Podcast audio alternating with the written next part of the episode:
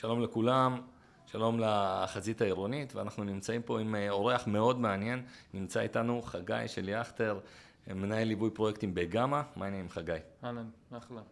אז קודם כל אני שמח אה, לארח אותך פה. אה, אנחנו נמצאים בתקופה מאוד מעניינת, אני חושב אחת התקופות המאתגרות ביותר בעולם הזה של המימון, העולם שאתה עוסק בו. אז לפני שאנחנו נצלול פנימה, תן לנו קצת רקע אישי, מאיפה אתה מגיע.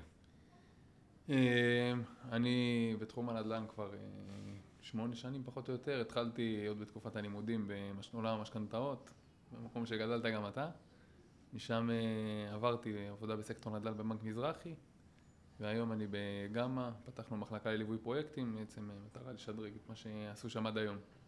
אוקיי, okay, וגמא בכלל, מה הקשר לתחום המימון נדל"ן? ספר לי קצת במה היא עוסקת היום, כמה שנים, ו... אה, גם החברה שהוקמה לפני 25 שנה, התחילה את דרכה בעיקר בשוק הקמעונאות, בעולם של אה, הקדמות תשלומי, אה, ניקיון שוברי אשראי, סליקה, בהמשך התפתחה משם לעוד המון מוצרים.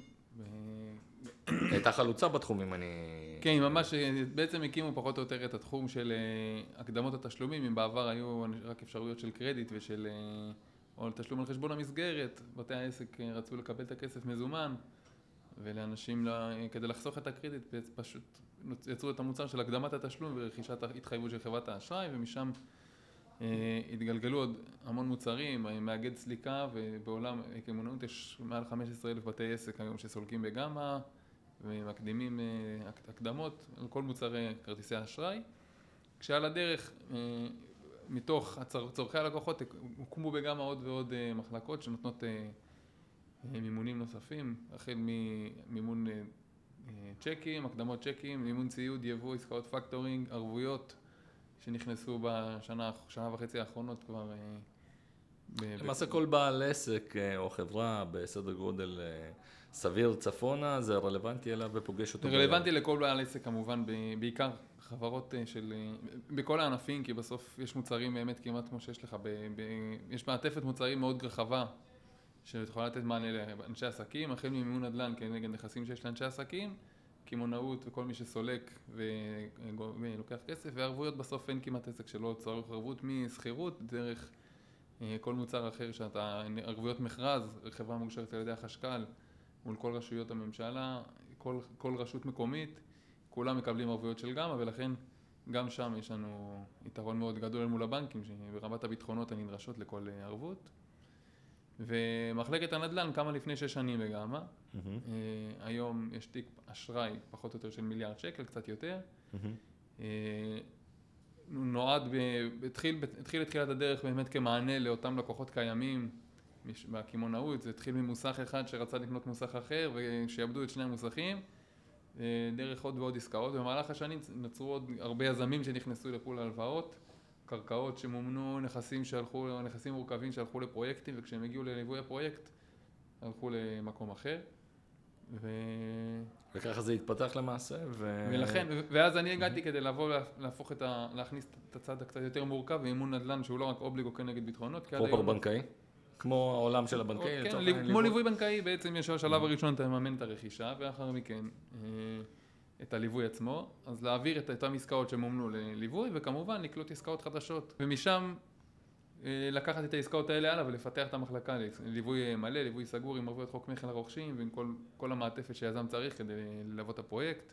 חוב בכיר, מזנין בפרויקטים שאנחנו מממנים כמובן אנחנו יודעים לתת, אה, ערבויות לבעלי קרקע, כל מה שיזם צריך כדי להשלים את הליווי.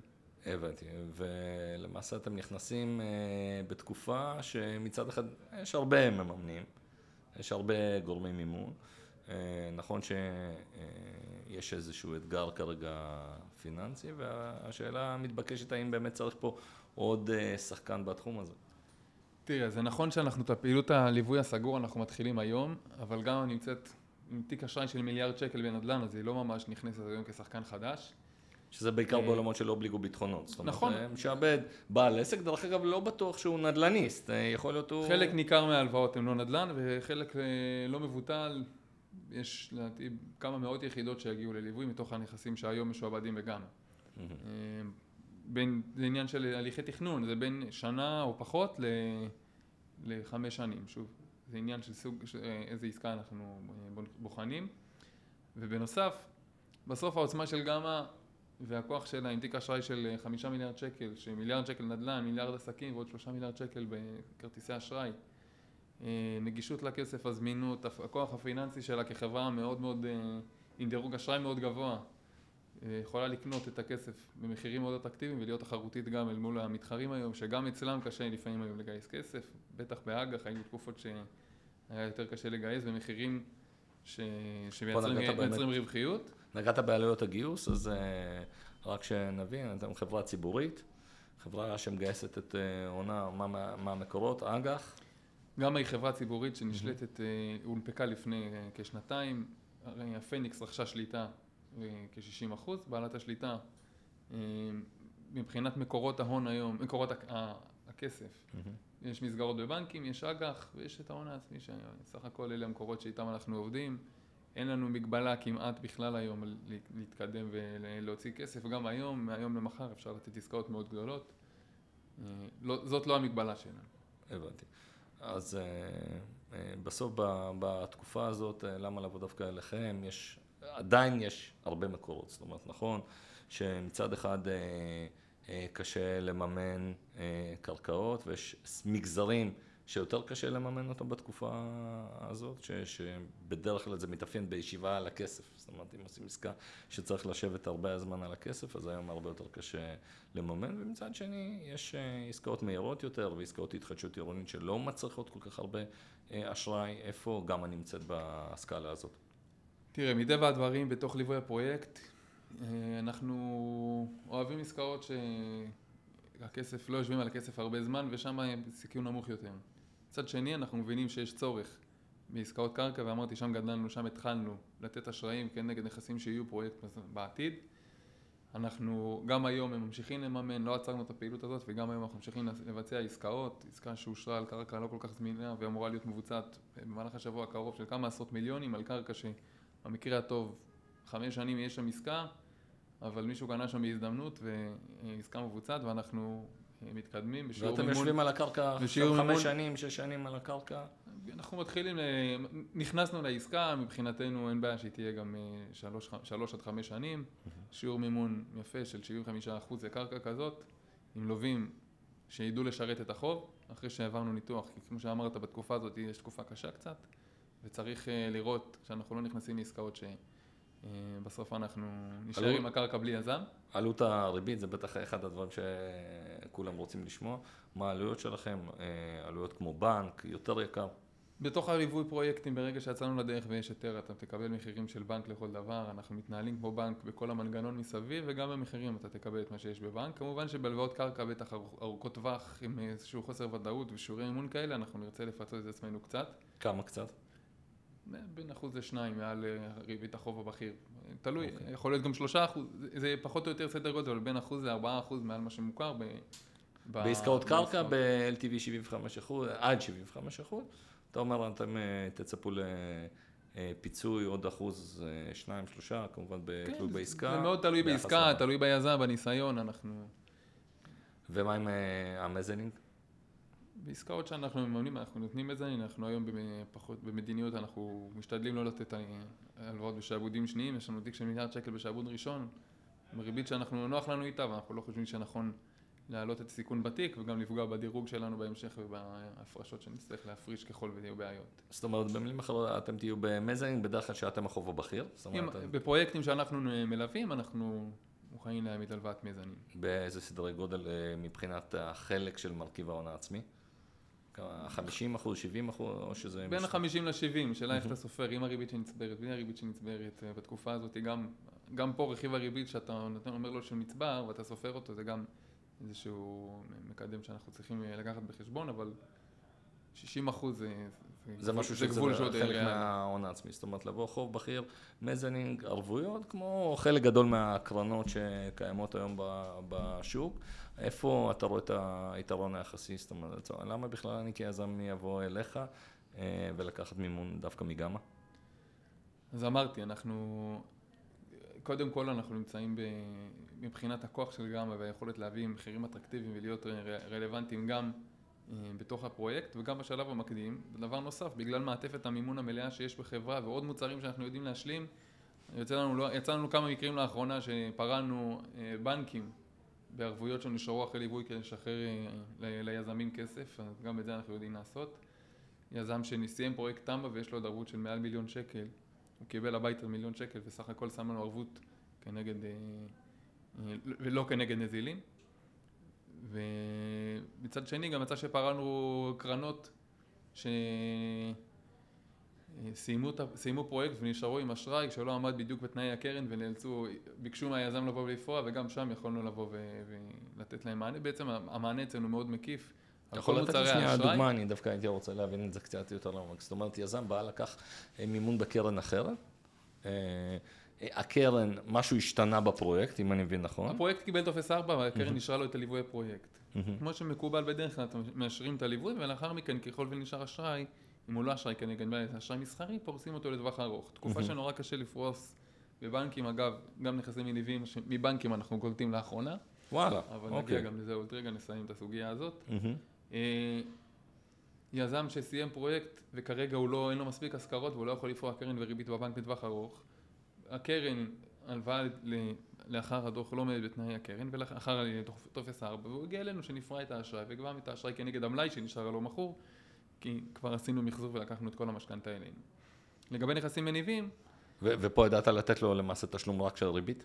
אני יודע לתת תשלום רק של ריבית, שזה מאוד דומה למה שאנחנו עושים בנכסים מניבים היום. יש לא מעט נכסים מניבים שהיו ביחסי כיסוי גבוהים בעבר, ועם עליית הריבית היום הם מגיעים ליחס כיסוי של אחד ומטה, ועוברים את ההתניות שיזמים יתחייבו מול, מול הבנקים, ויזמים נאלצים להביא כסף מהבית. נכון.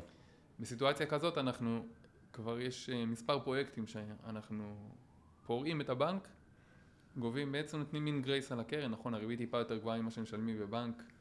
ברור. אבל אה, זה עדיין משתלם ליזם בחישוב התזרים, שהוא בעצם מה שמכריע היום. אנחנו... זאת אומרת, אתה במקום שהיזם ישלם ריבית פלוס קרן, אתה למעשה, הוא ממחזר את הכסף אליך. במקום שהיזם ישלם קרן וריבית ה... ויביא כסף מהבית מדי חודש, או מדי רבעון, הוא מגיע רק אלינו, משתמשים בהכנסות מהנכס, ולפעמים עוד מוציאים החוצה לתזרים השוטף של החברה, יפה. כדי לשלם ריבית. וכשהריבית תירגע, בעוד שנה, שנתיים, כשהנכס יתייצב, אם זה נכס שהוא עוד לא בהשכרה מלאה ורק נרכש היום, או הושלמה הבנייה, אז אנחנו נפרע, והוא יחזור לבנק לפרוס את האשראי לטווח ארוך. באיזה LTV תהיה שם? אנחנו ב... כן, אנחנו כן פורעים, במיעוט, יש מעט מקרים שאנחנו כן גם נותנים הלוואה לטווח של אה, חמש שנים ופורעים שליש מהקרן, שזה משקף פחות או יותר הלוואה לחמש עשרה שנה, גם זה הלוואות שאנחנו עושים. תרחיב בתקופה האחרונה. תרחיב על הדבר. באופן עקרוני אנחנו לא אוהבים להעמיד אשראי לטווח מאוד ארוך כמו שעושים בבנקים, כי גם אנחנו לא מגייסים אשראים לטווח כל כך ארוך. נכון. אמ, מצד שני, כן זה צורך שקיים, לפעמים יש, אה, לא מזמן הגיעו אלינו לקוחות שהיה להם מורכב לקבל הלוואה בבנק, בגלל אופי הלקוחות, חלקם אה, לא תושבי ישראל, לקוחות זרים, וה-LTV לא היה מאוד גבוה, יש להם נכס מאוד גדול שנמצא בסיום גמר בנייה. פר... פרענו אליהם הלוואה שהם לקחו לבנייה, ופרסנו אותה לטווח של אה, חמש שנים, כששליש מהקרן נפרע בחמש שנים הראשונות. זה בעצם משקף להם בעוד חמש שנים, אם הכל יתנהל לפי, לפי מה שסיכמנו מראש, נוכל לפרוע עליהם מחדש. או שהם ילכו למקום אחר, או שהם יפרעו אצלנו מחדש, לעוד, יפרסו אצלנו לעוד חמש שנים. הבנתי, זה, זה מעניין מה שאתה אומר, כי בסוף בתקופה כזאת, קודם כל זה מעיד על אמון אה, בטווח הארוך, גם בשוק של המניבים. שאתם אומרים, יש פה אה, תקופה קצרה שצריך לצלוח אותה, אנחנו מוכנים לעזור ליזם לשלם רק ריבית, הסיכון פה כמובן כמלווה אה, עולה, אה, ואתה אומר, תוך שנתיים שלוש אנחנו נהיה במקום אחר.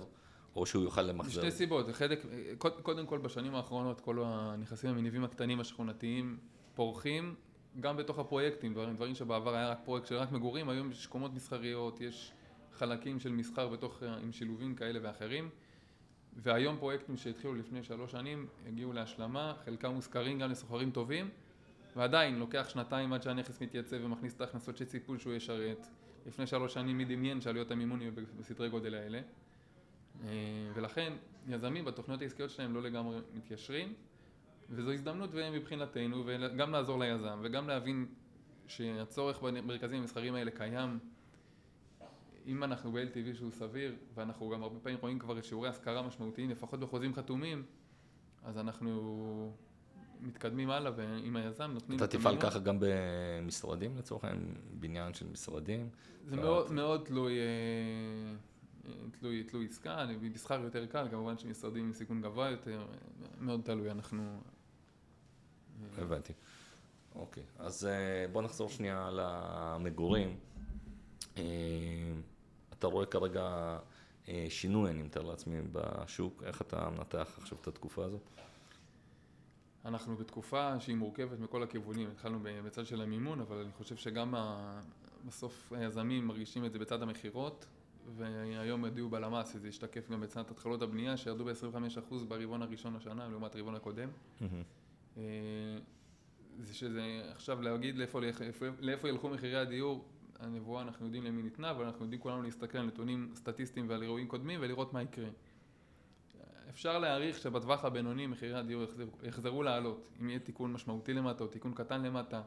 היום כבר הרבה מההנחות שניתנות, וגם אם זה לא משתקף אחד לאחד כ, כירידה במחירים, ההנחות משקפות איזושהי ירידה, יזמים הרבה יותר גמישים בלוחות התשלומים שהם מאפשרים לרוכשים לקחת.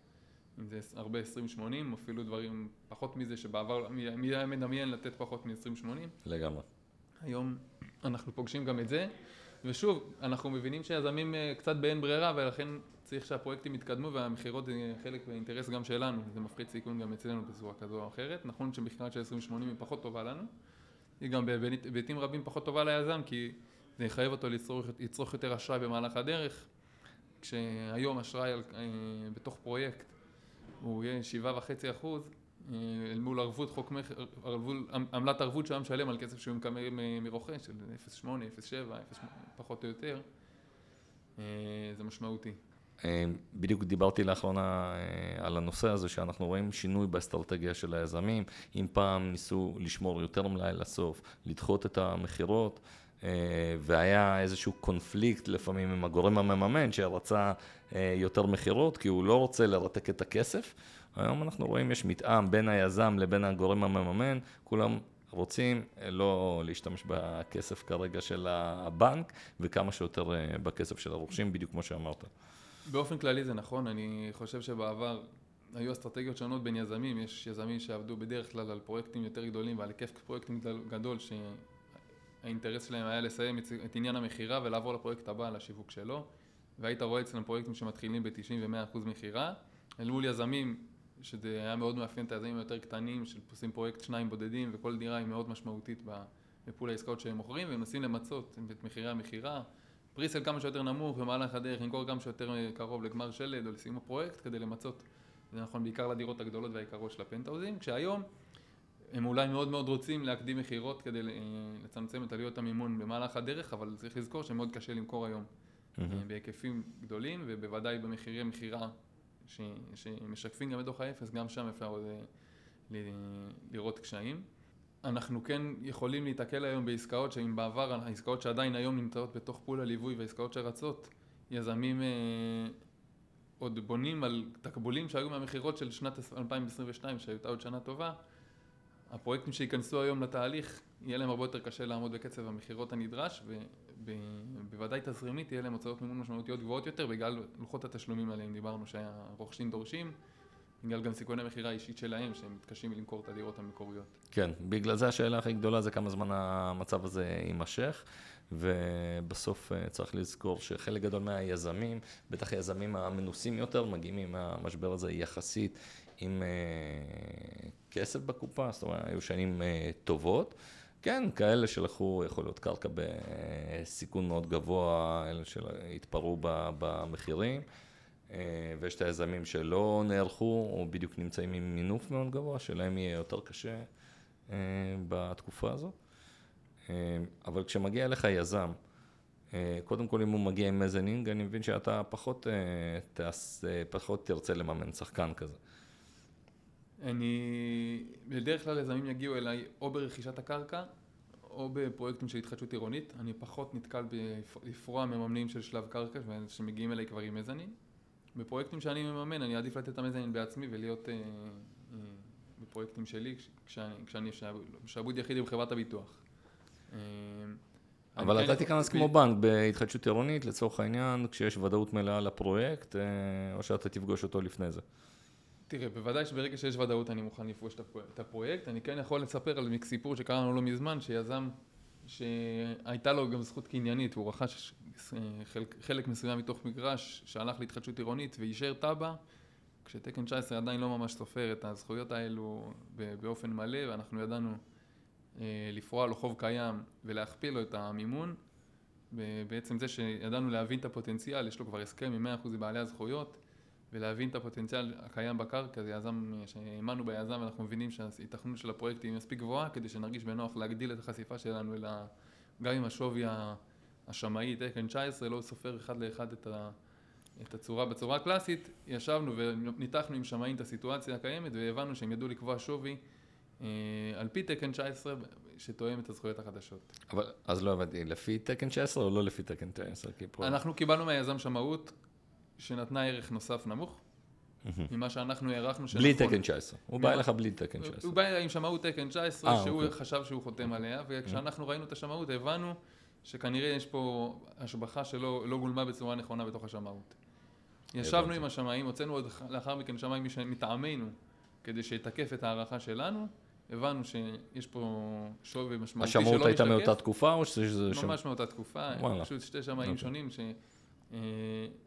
שמאי מטעמנו, בעצם שמאי שבחרנו, שהוא לרוב הוא מחמיר יותר, במקרה הזה מצא את הדרך לתת אה, ערך ל...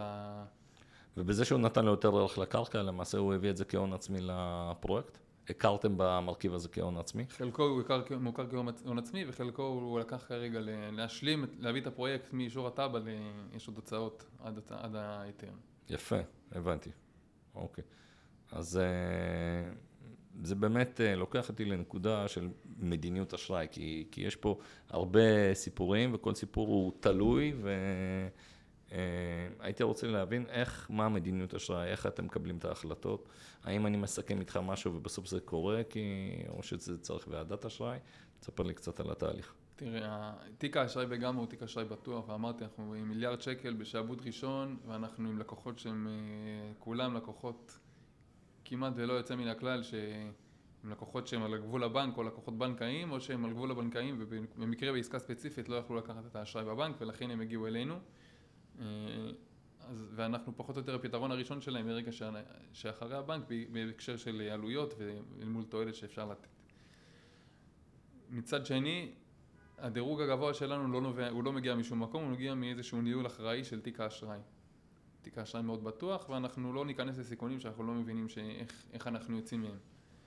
יש מדיניות סדורה, יש ועדות אשראי ב- שמאשרות את כל מה שעומד בהתאם למדיניות, אם טיב הלקוח תואם לסיכון העסקה והריבית מתמחרת את זה בצורה נכונה, אין סיבה שעסקה לא, לא תאושר. אם אני אשב עם יזם ואנחנו סגרנו הצעת ליווי, הצעת מימון מכל, מכל סוג שהוא, אני עושה את זה בהתאם למדיניות הקיימת ואין סיבה שזה לא יאושר. אם היו מקרים שלא ראינו עין בעין עם כל חברי הוועדה כמובן, לפעמים אנחנו מצליחים, כמו תמיד ועדת אשראי לא חותמת גומי, לפעמים אנחנו מצליחים להסביר את עצמנו בצורה שהיא משכנעת מספיק ולפעמים כנראה שאנחנו מוסיפים התניות כאלה ואחרות והאם באחריות היזם לקחת, אה, לקבל את ההחלטה בסוף. אבל ברוב גדול מאוד של העסקאות, העסקאות מאושרות כמו, כמו שהן עלו לאישור הוועדה. אוקיי, אז uh, במילים אחרות, אתה אומר, uh, אנחנו בריביות של בנק, אנחנו בלקוחות של בנק, אלא אם היה משהו. אני רוצה שנייה, תסביר לי את המשהו הזה, כי אתה אומר, זה לקוח שלא קיבל את האישור בבנקים, הגיע לכם, קיבל אישור, אבל הוא לקוח בנקבילי. אז uh, תן לי את הניואנסים האלה שלא עוברים בבנק ואצלכם יכולים לעבור. אפשר להגיד שהבנקים מאוד רוצים, הם יודעים לקחת את העסקאות ולתת להיות מאוד תחרותיים גם בריבית החוב הבכיר וגם בכל שר העלויות שבסוף אני לא תמיד יהיה לי מספיק משתלם כדי להיכנס בעסקאות כאלה ובדרך כלל גם עסקאות בסדרי גודל שפחות אה, בטווחים שמעניינים אותי כי זה סוג הלקוחות שעושים עסקאות מאוד גדולות, לרוב אנחנו שם אבל אה, סוגיית הלקוחות בנקאיים, לא בנקאיים בעולם ליווי הפרויקטים אה, זו סוגיה רחבה. חברות קודמות אליי שעשו עבודה מאוד יפה ובאמת מגיע להם מילה טובה, פתחו את השוק הזה כבר אם זה חברות הביטוח. כן, יסודות, מכלול וקרנות כן, נוספות. יש כן. לא מעט חברות שקמו, אתה ציירת פה כמה חברות מתוכן, שעשו עבודה יפה, והשוק היום יודע שיש בנק ויש לא בנק, ויש עבודה שמתאימה לכולם, וזה לא אומר שלקוח הוא פחות טוב אם הוא עובד עם חברה כזו או אחרת. אני יכול להגיד שגם היא חברה שכל הלקוחות הקמעונאים הכי גדולים, לקוחות שלה, כל חברה שכולנו קונים שם בגדים בכל אה, קניון, והחברות הכי גדולות הן לקוחות של גמא, ולקוחות אה, מהגדולים במשק, גם עם לקוחות של גמא במוצרים אחרים, וגם במוצרים האלו יש לקוחות מאוד גדולים, שהם מאוד מפוצצים, שמתנוססים על, על, על, כן. על בניינים פה ב, ב, לאורך כל כבישי ישראל שאנחנו רואים. אנחנו, בהקשר הזה אנחנו תחרותיים לא פחות. אני חושב שהסוגיה של גבוליות על מול הבנק בעסקאות מורכבות זה בעיקר בעסקאות שהן יותר מורכבות, אם זה עסקאות במושה עם דחיות כאלה, עסקאות קרקע יותר זמינה או פחות זמינה לבנייה, שם הסוגיות האלה נכנסות. אנחנו בתיק אשראי הקיים, אנחנו יודעים לעשות את ההתאמות ולהבין את המורכבויות שיש פה ולמצוא פתרונות שהבנק לא תמיד מתחשק לו למצוא להם את הפתרון, זה לא שהוא לא יכול. אז, נכון, וזה נכון, לפעמים אגב, אגב אגב, גם לבנק יש לו הגבלות על זמינות הקרקע. זה גם מאפיין הרבה מהקרנות. גם קרנות יש להן מדיניות לקרן, ואם אני מבין נכון, אצלכם המדיניות היא לא אה, חזקה כמו בקרן מבחינת ההשקעה. יש מדיניות לקרן שלא יכולה לסטות פה ימינה ושמאלה. ופה אתה אומר, נגיד לצורך העניין, בוא ניקח את הדוגמה שנתת. גם היא חברת אשראי, בשונה מקרן שמגייסת הלוואה ספציפית, אם לזה אתה מתכוון. ברגע שאני חברה, אני יכול לתת אשראי שתואם את המדיניות. אם זה אשראי כנגד בטוחות נדל"ן, אז אם בטוחת הנדל"ן מספיקה לי, אני יודע להגיד כמה אשראי אני יודע לתת מנגדה ללקוח מסוים. באותה צורה, כשזה יהפוך להיות פרויקט, אני אתייחס לזה כפרויקט. אה, או כמו שתיארנו קודם, לפני הפרויקט. אז ספר לי נגיד על אה, עסקה כזאת, נגיד אה, מימנתם קרקע שהיא לא זמינה לבנייה. תן לי שנייה, רק בשביל להבין את ה... אז תיארתי עסקה של קרקע mm. בייעוד למגורים, אבל mm. תב"ע שקרקע לא מפותחת, עם תב"ע שלא ניתן היום להוציא מכוחה היתר, ושייקח עוד זמן עד שתאושר תב"ע כזאת ויפתחו. אז עסקה שאנחנו עושים היום, אמרתי כמה עשרות מיליונים, קרקע גדולה. איזה LTV? 75 אחוז. 75 אחוז? כן, מתקן 19. יפה, אוקיי. מעולה. והוא צריך להראות אה, הוכחת יכולת אה, של ההחזר אה, בצורך, כי אין פה מקורות אחרים? בשונה מליווי פרויקט, מקור ההחזר בקרקע הוא הפרויקט. אם אנחנו נחכה לפרויקט, אנחנו נהיה ב-LTV מאוד מאוד גבוה, אנחנו לא יכולים לצבור את הריבית, בטח לא בהיקפים האלו. אנחנו כן מנתחים את מי הלווים, ויכול להיות שנשלם חוב פה, מדובר פה בחוב של כמה מיליונים רבים בשנה שצריך לשלם. אנחנו מבינים שנלך פה למינימום לשלוש שנים, עד שהקרקע הזאת. תאושר תב"ע ואולי יהיה יזם משתלם לעשות איזשהו ריפייננס, אני לא יודע, אנחנו נשמח כמובן להמשיך איתו עד היתר, אבל uh, בתקופה הזאת הוא יצטרך להמשיך לשלם, ואנחנו בודקים את המקורות שיש ליזמים, זה יזמים שיש להם uh, תזרימי עודפים צפויים, גם עליהם אנחנו יודעים להפעיל מקדמים ולהבין שהיום את התזרים, אה, עסקאות ותוכניות, תכנון עודפים שתכננו לפי מכירות מסוימות שלא מגיעות ועלויות שעלו, אז יותר קשה לשחרר עודפים מהפרויקטים וזה גם נדחה. אנחנו גם את זה לוקחים בחשבון. הרבה פעמים יזמים שיש להם כבר נכסים שמניבים, או שיש להם עסק נוסף, או שזה אנשים שזה בכלל לא מתחום הנדל"ן, שזה נכנסים לעסקת נדל"ן ספציפית, ויש להם אה, עסקים אחרים בתחום הביטוח, בתחום ה... מה זאת אומרת נכנס? זה כאילו פרויקט ראשון שלו, הוא לא יזם? יש קבוצה של כמה בעלים, שאחד מהם הוא יזם שמקדם את התהליך עם היזמים הנדל"ניים, ובמקביל יש לו שותפים שהם לא רק מתחום הנדל"ן, יש אה, לא מעט כאלה בסוף לאורך... אה, כל שנותיה של ישראל אנשים קנו נדל"ן והרוויחו ואנשים רואים את זה ואנשים שיש להם הרבה כסף ממקורות אחרים רוצים גם ליהנות מעליות הנדל"ן שהיו. אז אתם, אה, אבל תהיו תמיד באשראי עסקי, זאת אומרת, נגיד קבוצות רכישה, אשראי פרטי, זה דברים שאתם פחות נוגעים היום אנחנו לא עושים אשראי צרכני וגם, אז המומחיות שלנו לאורך כל השנים הייתה במימון של חברות, עסקים, אה, פה ושם אנחנו כן נותנים אשראי ללקוחות פרטיים אגב העסק שלהם או לטובת העסק, אבל אנחנו באופן קטגורי מממנים עסקים. אז אה, בואו נס, בוא נסכם רק בכמה מילים איך אתה רואה את השוק אה, קדימה, אני אוהב לשאול את השאלה הזאת כי כל אחד אה, לפעמים אומר משהו אחר וכמובן הנבואה ניתנה לשוטים וזה ברור אבל אתם רואים צבר פרויקטים גדול, אתה רואה הרבה מאוד יזמים, יש לך ניסיון של כמה שנים טובות ומה אתה צופה שיקרה? אמ, אז דיברנו על מורכבויות שקיימות בשוק המימון וכל תשומות הפרויקטים עלו בצורה משמעותית בתקופה האחרונה. אני, מצד שני גם דיברנו על התחלות בנייה שירדו משמעותית ב-25% מרבעון לרבעון אה, בתוך שנה. אז אני, בסוף אני לא אופתע אם אנחנו נראה פה ושם יזמים ש... שלא לא ישרדו את התקופה ובעוד כמה חודשים אנחנו, הפרויקטים שלהם יימכרו כנראה וחלק מההזדמנויות של תקופה כזאת מחלק מצד האנשים זה הצד העצוב של איזה יזם שעבד הרבה שנים ו- ולא החזיק. אני חושב שבטווח הבינוני והארוך אם לא, הממשלה לא תתעשת ותעשה פה איזושהי תוכנית משמעותית שתייצב את מחירי, את התחלות הבנייה לאורך אה, טווח ארוך, מחירים כנראה יחזרו לעלות מתישהו. ו... כן, אני... אה, לזכור. השאלה אם התיקון למטה הוא 7-10 אחוז, או שהוא יהיה 20 אחוז, אבל 10 אחוז אחרי עלייה של 20 אחוז בשנה, אז על שנתיים זה עדיין עלייה של 10 אחוז, וזה עדיין ריאלית 5 אחוז לשנתיים, זה, זה בסדר גמור. כן, אה, זה, זה נכון, אבל אה, אחורה. אותם היזמים שקנו בשלב הזה את הקרקע, ואחרי העלייה של, נניח, כן, אה, של ה-20 אחוז, ופתאום יורד להם ב-10 אחוז ה...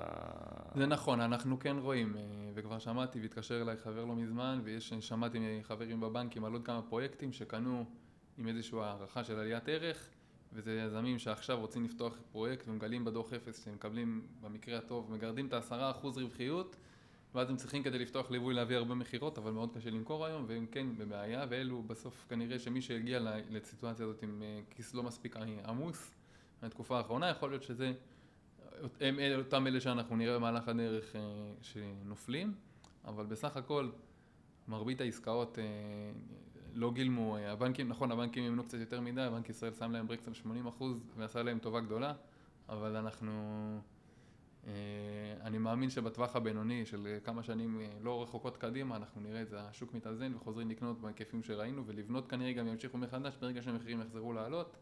היזמים יחזרו לעבודה על המלאי הקיים, כי המלאי, כמו שציינת, רחב וגדול.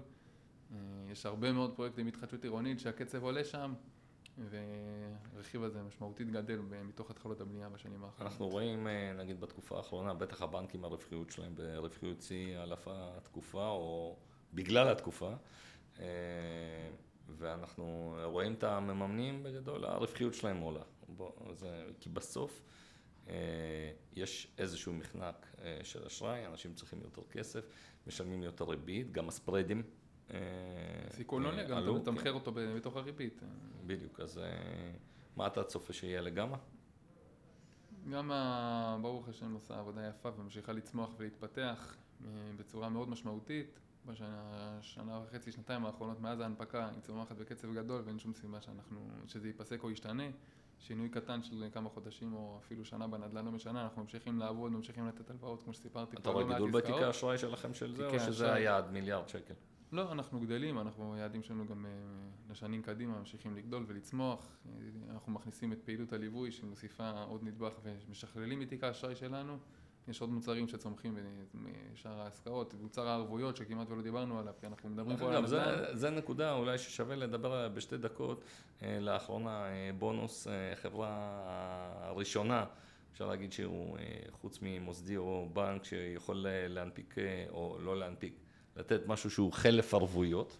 כן, זה נכון, נכון אה, שהפרסומים יצאו ערבויות חוק מכר לחברה חוץ בנקאית, אבל אני, המוצר המדויק יותר הוא לא ערבות חוק מכר, כי הרוכש לא מקבל ערבות, אלא הוא מקבל, אה, המממן הוא עם משכנתה בנאמנות עבור אה, אותו רוכש. הוא קודם במשכנתה, זה, הוא מעט פחות חזק ממי שמחזיק ערבות חוק מכר, אבל הוא הרבה יותר חזק ממי שמחזיק הערת אזהרה, שבית המשפט כבר ביטל אחת כזו בעבר. וזה הוא הגביל את זה גם. בעולם של תמ"א 1. כרגע זה מוגבל לעולם של תמ"א 1, אני מאמין שברגע שהמוצר הזה יעבוד והשוק, אה, אה, והמ- והממונה על חוק המכר יראה שהדבר הזה עובד, אפשר יהיה אולי לה- להרחיב את זה, אני לא חושב שיש צורך בכל סוגי עסקאות הליווי, אבל בוודאי שיש עסקאות שיזמים שרוצים לבנות בלי למכור ואולי למכור חלקית או בלי מחויבות למחיה כלשהי, זה יכול לתת להם מענה טוב, אנחנו נתקלים לאחרונה לא מעט בעסקאות ש...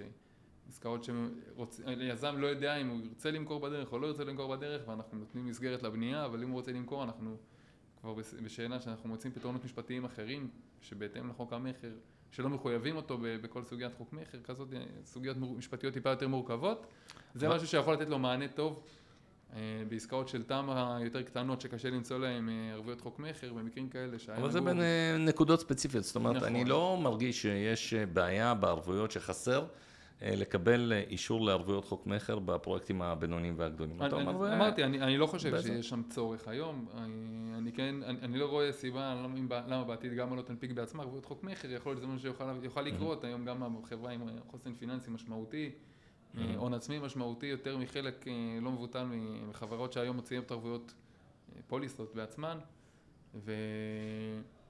ואם בעתיד זה יקרה, היום גם יכולה להוציא ערבויות לכל גופי הממשלה, מאושרת על ידי החשכ"ל להוציא אה, ערבויות מכרז וערבויות ביצוע וכל הסוגים. אם זה יקרה בעתיד, אני רוצה להאמין שכן, זה עניין של תהליך אל מול הממונה ול... אתה רואה עכשיו זה- את הערבויות, היום, היום זה מצריך שינוי חקיקה שכרגע אנחנו לא בכיוון, אבל אה, זה יקרה. אבל נניח אה, בוא נלך עם זה וגמא ועוד שחקנים נוספים עם הון נדרש, דרך אגב היום ההון הנדרש, אם אני זוכר נכון, 75 מיליון, הון עצמי. נדרש, אני חושב שזה נמוך, יכול להיות זה מתאים לפתרון הנקודתי בתור- שהוא בא לפתור בתור אה, תמ"א 1, זה הגיוני, ברור ש... הסיטואציה של הרוכש בס- ב- שנכנס למודל כזה היא טובה לאין ארוך ממי שקיבל הערת אזהרה עם יזם שאין אין מעטפת מימון. הפיקוח, עבור, הפיקוח על הפרויקט חזק יותר ויש לו משכנתה והוא קודם. במשכנתה, המצב שלו חזק יותר ובזה הממונה עשה מהלך נכון שהוא מנסה להסיב את השוק מהערות אזהרה שעוד קיימות בשוליים כלשהם למשכנתאות. אני גם מסכים שלא כל מממן, אה, שמיש, אדם, ואתה אמרת בעצמך, קמו המון חברות לאחרונה, אה, יהיה נכון שיוציא ערבויות חוק מכר ויהיה לו את היכולת להבטיח בכלל סכומים כאלה, יכול להיות שצריך להגביל את זה בהיקף פרויקטים, בהיקף אה, כלשהו. כמובן, בסוף להגדיל את ההון העצמי משמעותי. זה- כולנו יודעים שגם החברות הכי גדולות הולכות ועושות ביטוחי משנה אצל מבטחי ענק, אז בסוף צריך להגביל גם את זה, ובסוף רוב ההגבלות מגיעות בכלל מהמבטחים, על סוג הפרויקטים. שהם בחו"ל בכלל, הפרויקטים. כן, זה חברות אה, ביטוח בינלאומיות שמבטחות אה, אה, אשראי. אחד בוודאי. הסיבות שהממונה על חוק המכר עשה את זה, הוא גם יכול להיות להוריד את העלויות הערבויות. אני חושב שזה בכלל משהו שבסוף, מה אנחנו מדברים? 0.6, 0.8, זה פחות או יותר, אתה חושב שיש מקום להוריד את זה אם ייכנסו עוד שחקנים? אני, אני לא יודע אם זה, זה הרכיב שיפחת משמעותית, אבל אה, בוודאי זה מש, משהו משמעותי, שאם אני יכול לגבות את הדבר הזה אליי ולא לחברת הביטוח, כשאני עושה את המודל הזה, אז אני יכול להיות זול יותר ועדיין לתת פתרון יותר טוב ממה שיש להם היום. הבנתי. בסדר גמור. היה מאוד מעניין, חגי, אני רוצה להגיד לך תודה רבה, תודה לכם, ותמשיכו לגדול. בהצלחה. תודה.